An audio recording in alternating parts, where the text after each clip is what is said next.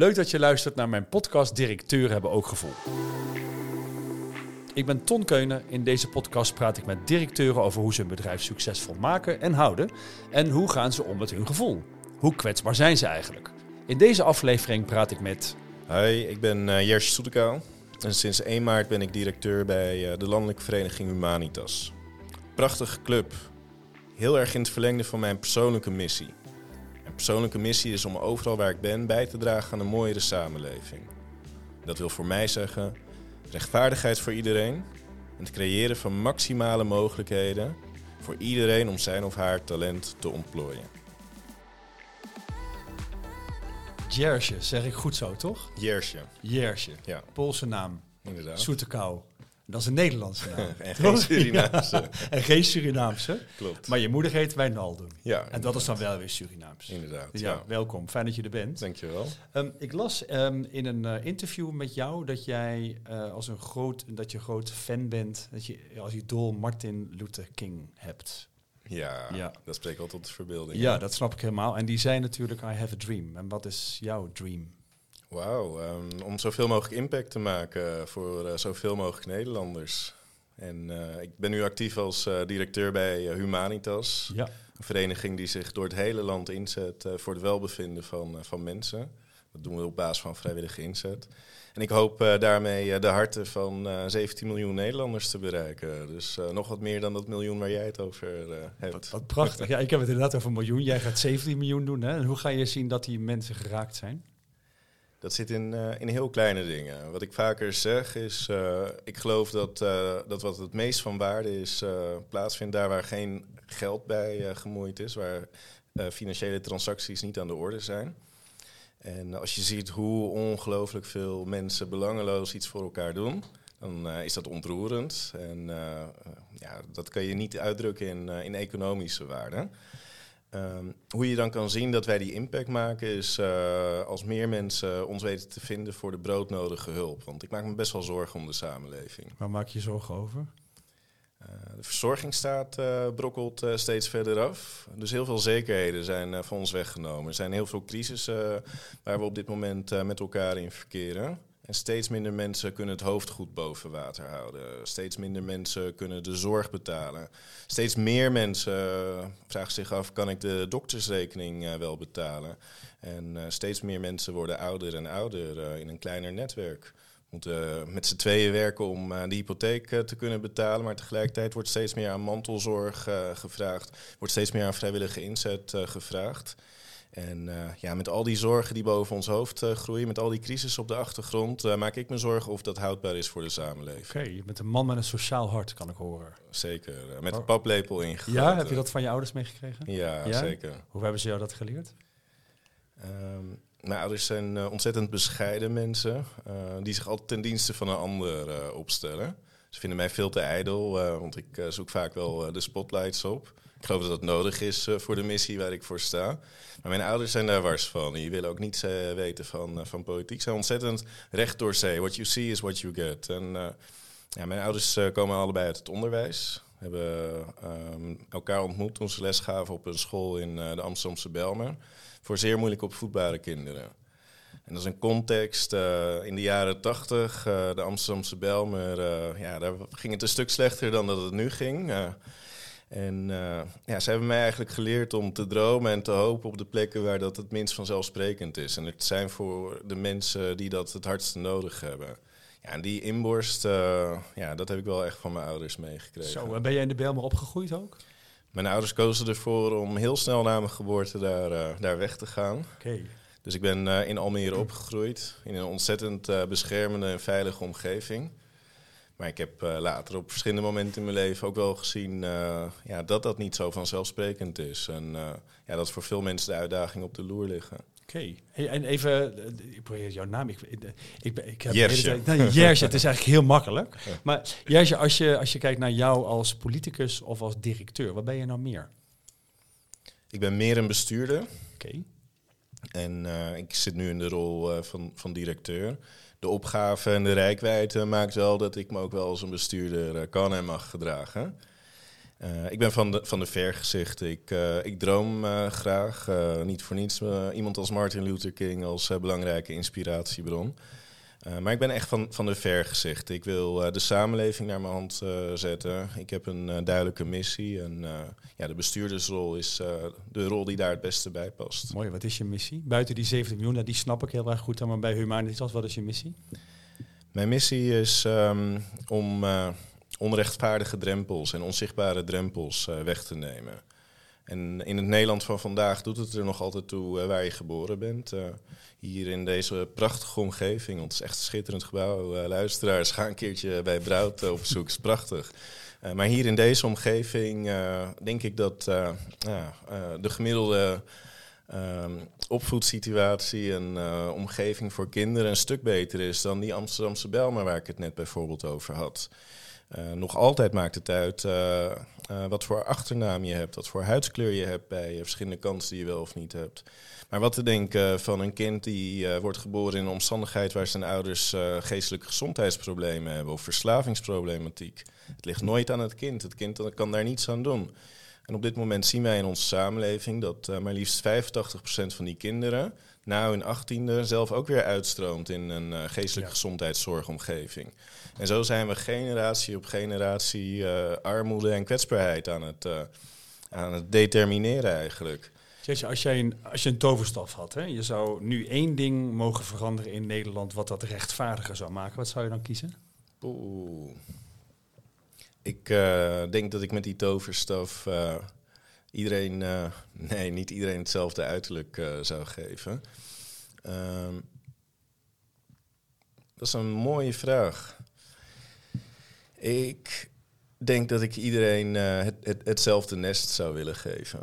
En dat nest, daarin zijn de omstandigheden ideaal. Wat wil ik daarmee zeggen?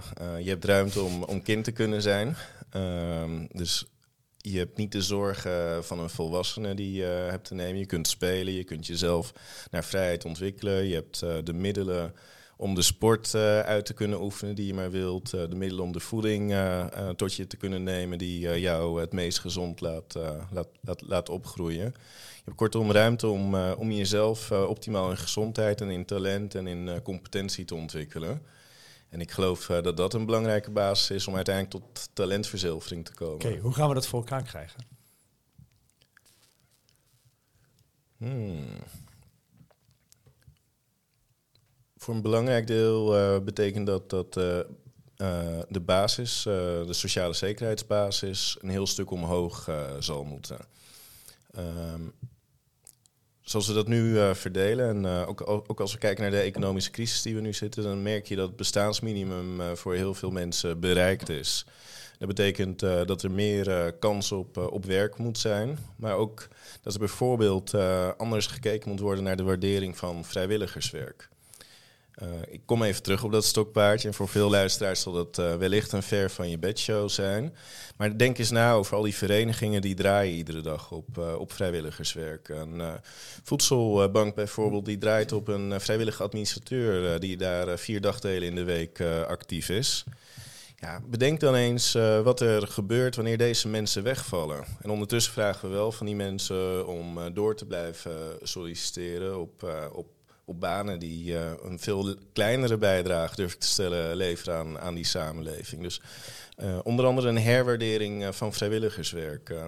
een andere manier van, van omgaan met eigenlijk ook ons belastingstelsel. Ik ga niet direct een pleidooi houden voor het, het, basisinkomen. Nee. nee. maar ik geloof wel dat veel elementen van het basisinkomen ertoe zouden kunnen bijdragen dat, dat er meer een stabiele basis is van waaruit uh, de keuzes voor uh, ja, uh, een klein beetje geld minder belangrijk zijn dan de investering in je talent. Oké, okay. even als we kijken naar wat je wil bereiken, als je kijkt naar je missie of 17 miljoen mensen, zeg maar, daar de, de harten van vol laten zitten in Nederland, dat gaat iets vragen van jouw leiderschap. Hè? Mm -hmm. En wat zou je nou aan jouw leiderschap willen ontwikkelen om dat misschien eerder of sneller of fijner voor elkaar te krijgen? Um, ik denk dat ik de laatste jaren heel erg uh, heb geleerd om, uh, om, om te luisteren. Um, een valkuil van mij is toch nog, uh, ook, ook om zelf veel aan, het, aan het woord te zijn. Dat merk je nu ook een beetje. het gaat ook over jou, hè? Dus dat ja, scheelt. Zeker. Ja. Um, dus een, een, een van die dingen is om meer medestanders van mijn eigen boodschap. dus nog, nog meer vrienden dicht bij me te, te houden. Uh, It's Lonely at, at, the Top. Dat is een uh, les die je al, uh, al heel vroeg leert. En hoe slaag je er nou in om op de juiste manier vertrouwelingen dichtbij je te houden? Um, mensen ook die, die met jou voor diezelfde missie gaan strijden. Mis je dat? soms wel. Dat is wel spannend ook. ja. Dat, dat vraagt heel veel kwetsbaarheid bijvoorbeeld. Ja, vind je dat moeilijk? Dat is wel iets dat ik, ja, dat, dat is wel echt een van mijn belangrijke ontwikkelpunten. Ja, wat vind je daar moeilijk aan? Kwetsbaarheid? Ik wil het, ik wil het altijd graag zelf weten. Ja. Uh, er zit een zekere geldingsdrang en een zekere bewijsdrift uh, ook in. En ik heb het vaak ook, ook gewoon beter geweten. dus, uh, je hebt ook vaak gelijk gekregen, zeker of niet? Ja. Maar het, het voelt als, als een soort dreigende ontmaskering. Ja, weet je wat het vervelende is van gelijk hebben? De, de, de, als je gelijk wilt krijgen, zeg maar, dan, kun je, dan krijg je het er bijna ook altijd. Hè? Mm -hmm. Want je gaat je leven zo inrichten dat je gelijk krijgt. Mensen die bijvoorbeeld denken, ik word altijd in de steek gelaten, die krijgen er op een gegeven moment gelijk in. Want ze gaan zich zeg maar, zo gedragen dat ze zeg maar, ook daadwerkelijk zeg maar, in de steek gelaten worden. Mm -hmm. Maar even, waarom, waarom heb je zo'n geldingsdrang? Ik denk dat ik dat ook wel uh, vanuit huis uh, meekreeg. Mijn moeder uh, is op jonge leeftijd naar Nederland uh, gekomen vanuit Suriname. En heeft uh, in haar eentje, ja, ze heeft, heeft zelf volwassen moeten worden. En wat ik van mijn moeder heel erg heb meegekregen, misschien daardoor, maar ik denk ook vanwege haar huidskleur. Dat is toch een thema dat speelt in huishoudens als, als die van mij. zij heeft mij geleerd dat ik altijd twee keer zo hard mijn best moet doen. Uh, ten opzichte van, uh, van een ander, uh, andere persoon met een andere huidskleur. Dat is één. En twee, dat past ook wel een beetje bij de inborst van mijn ouders. Um, eerst, je, je, moet heel erg je, je eigen verantwoordelijkheid nemen. Dus als, als iets niet goed gaat, leg het eerst bij jezelf neer voordat je naar... Op zich heel nobel. Um, maar de keerzijde daarvan kan ook zijn dat je, dat je daardoor wat naar binnen keert of uh, um, ja, te perfectionistisch wil zijn, te kritisch naar jezelf uh, kijkt. En, en, ben je kritisch naar jezelf? Ik ben wel heel kritisch naar mezelf. Ja, ja. ja dat kan ik zien, ja. ja. Waar ben je het meest kritisch op? Hoe zie je dat? Nou, omdat je, zeg maar, als, ik, als je naar jou kijkt, je bent, zeg maar, ik moet zeggen misschien een beetje gek, maar je bent een beetje Mr. Perfect. Mm -hmm. Dus uh, je bent knap, je ziet er mooi uit, je, je zegt de juiste dingen, zit weinig uh zit erin, je weet wat je zegt, je lacht op het juiste moment. Dus er zit zeg maar een, daar zit een, um, nou iemand wel een amabele man. Mm -hmm. Maar ik zie ook weinig foutjes. Dus ik kan ook wel zien dat je dat misschien lastig vindt om dat misschien toe te geven. Nou, je geeft dat eigenlijk net aan. Want even, wat heb je dan geleerd? Want je zegt, ik moet misschien dubbel mijn best doen. Dus op het moment dat je kwetsbaar bent, welk gevaar loop jij dan? Als we het dan tussen aanhalingstekens zetten, gevaar? Ja, dat, um, dat ik daar harder op word afgerekend. Ja, in de psychologie noem je dat de dreigende ontmaskering. Ja, dat, was, uh, dat is een mooie term, ja. Ja. Resoneert dat? Mm, ik, ik denk dat ik dat wel herken. Ja. ja. Hoe herken je dat? um, nou, dat. Uh, nou, je merkt nu ook dat ik niet, uh, niet direct de woorden klaar heb. Dus je, je stelt goede vragen. Mm. Terwijl ik vind wat er nu gebeurt, zeg maar, maakt jou heel authentiek. En nu ga ik meteen met je mee. Dat, dat is spannend. Dat is echt spannend. Ja. Want iedereen hoort datzelfde ongemak dan ook. Ja, maar wat, waarmee ik wel meteen in verbinding ben met jou. En als je het dan hebt over de coachvraag, dan denk ik dat dat eigenlijk nog wel misschien een belangrijkere coachvraag is. Want dat is wel feedback die ik, die ik hoor. Hè? Want ik, uh, ik probeer het goed te doen. En ik, uh, ik speel daar ook geen spel in. Hè? Nee. Dus het is ook onderdeel van mijn authentieke, 100%. authentieke ik. Uh, maar wel daardoor krijgen mensen het idee, uh, mensen blijven dan op een stukje afstand. Het komt er te uit en uh, ja, daarmee creëer ik een soort distantie, onbedoeld. Terwijl ik juist uit ben op die verbinding. En ik heb geleerd om heel erg te luisteren. Dat is een effectieve manier om ook in verbinding te komen. Maar ik zou daar nog wel een volgende stap in kunnen en willen maken. Ja, maar ik zie ook dat het dichtbij ligt, want op het moment dat we het erover hebben samen kun je het ook eigenlijk gelijk kun je erbij. Je vindt het namelijk niet moeilijk om het toe te geven. Nee, dat, dat zeker niet. Nee, dat nee, klopt. Nee. En het is op het moment dat je het doet, is het ook heel sterk. Nou, mooi. Dus het hebt over medestanders gaan zoeken, dan zou ik zeggen, nou, ga dat ontwikkelen. Maar dat zeg je eigenlijk zelf al. Mhm. Want het verbindt namelijk enorm. Ik heb wel geleerd om meer hulpvragen te stellen. Ik, um, toen ik wethouder uh, was, uh, op betrekkelijk jonge leeftijd uh, in Almere. een van de dingen waarop het niet helemaal goed is gegaan, in ieder geval met een andere afloop dan dat ik zelf had gewenst, was dat ik alles, alles bij me hield. Dusdanig dat ik helemaal erin in verstikte. Ik verdronk in, in alle ellende, want ik, ja, ik, ik had geen vrienden, ik durfde geen, geen mensen dicht bij me te laten. Dat moet vreselijk zijn. Ja, dat was, was ook verschrikkelijk. Ja. ja. En hoe ben je daar uitgekomen? Wat, wat heb je gedaan? Um, nou, ik heb er in ieder geval heel veel van geleerd. Want uh, toen ik in ieder geval, uh, toen, toen ik eindelijk zo ver was om hulp te vragen, was het al te laat. Uh, college was uiteindelijk gevallen, vertrouwen in mijn partij. Niet in mij uitdrukkelijk, maar wel in mijn partij is, is opgezegd. En als politiek leider uh, ja, hou ik mezelf daar natuurlijk ook uh, verantwoordelijk voor.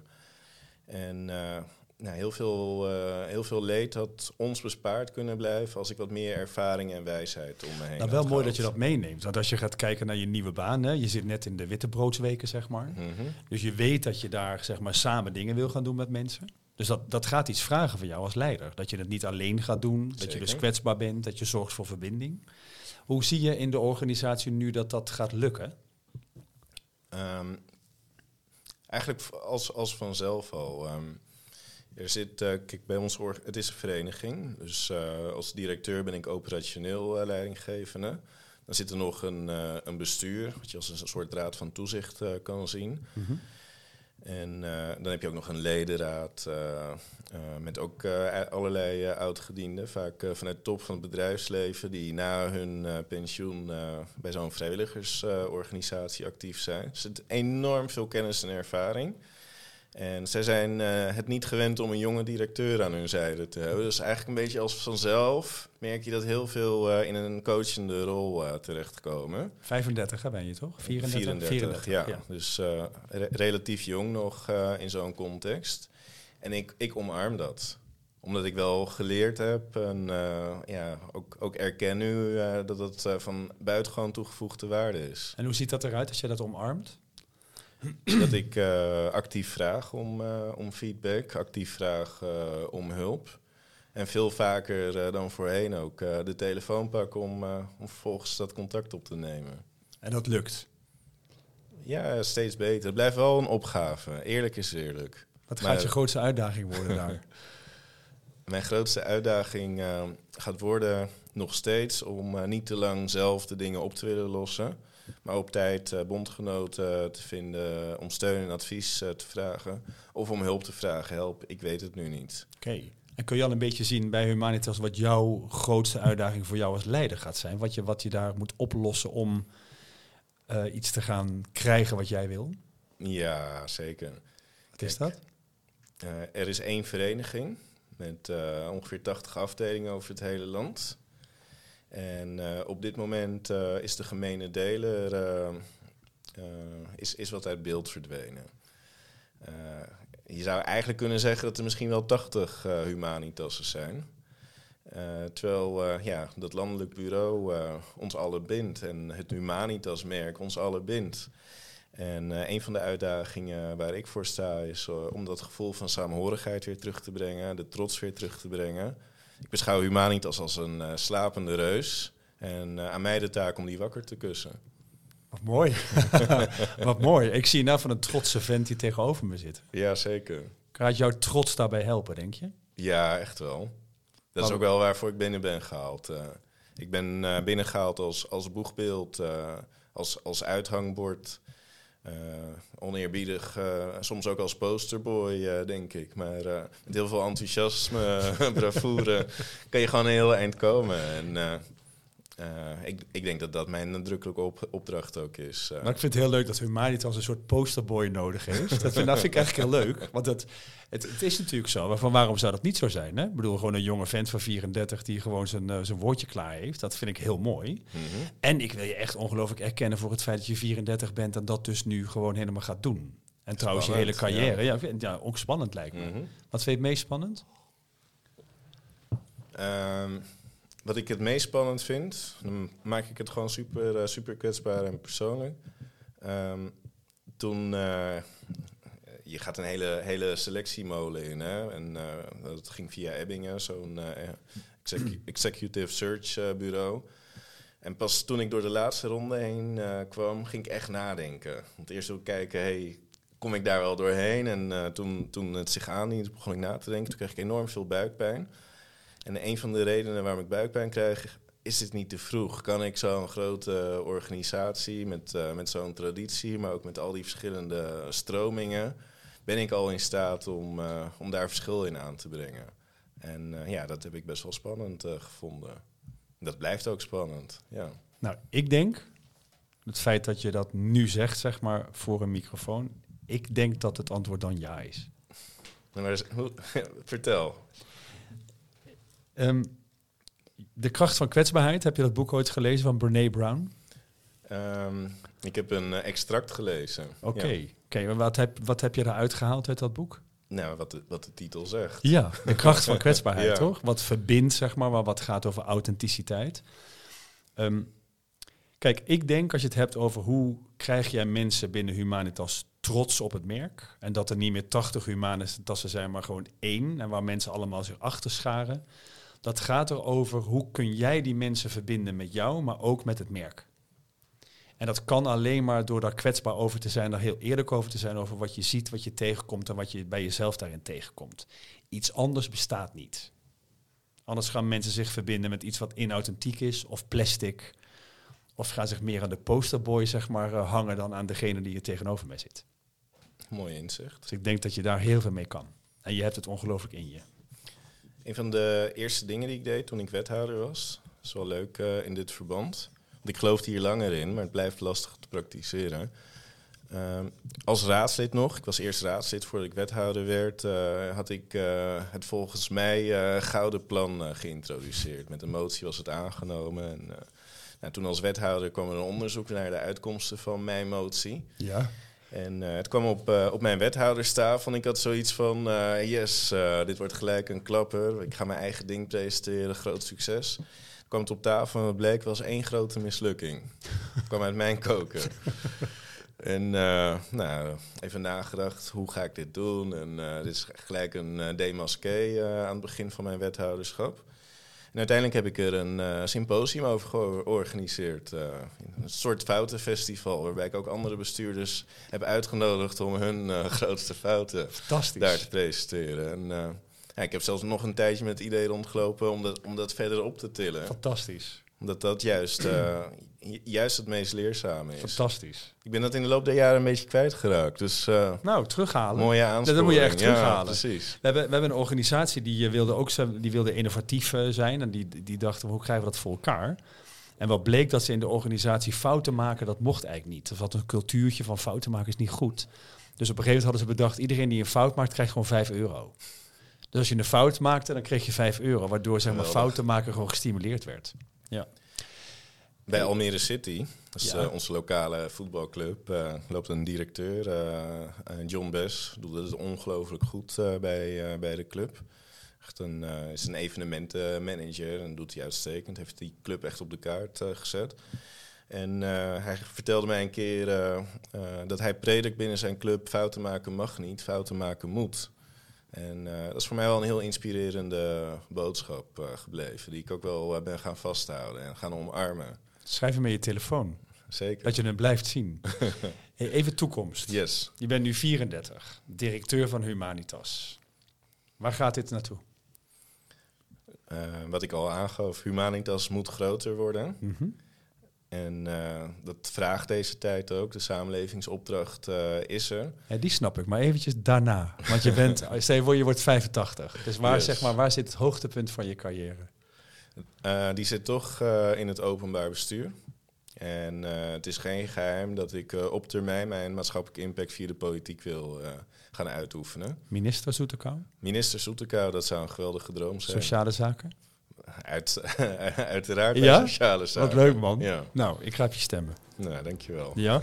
hey, dankjewel. Leuk gesprek. Dank. Insgelijks. Wil je nou ook een keer te gast zijn of ken je iemand die mijn gast zou kunnen zijn in mijn podcast? Laat het me dan weten via podcast.broud.nl.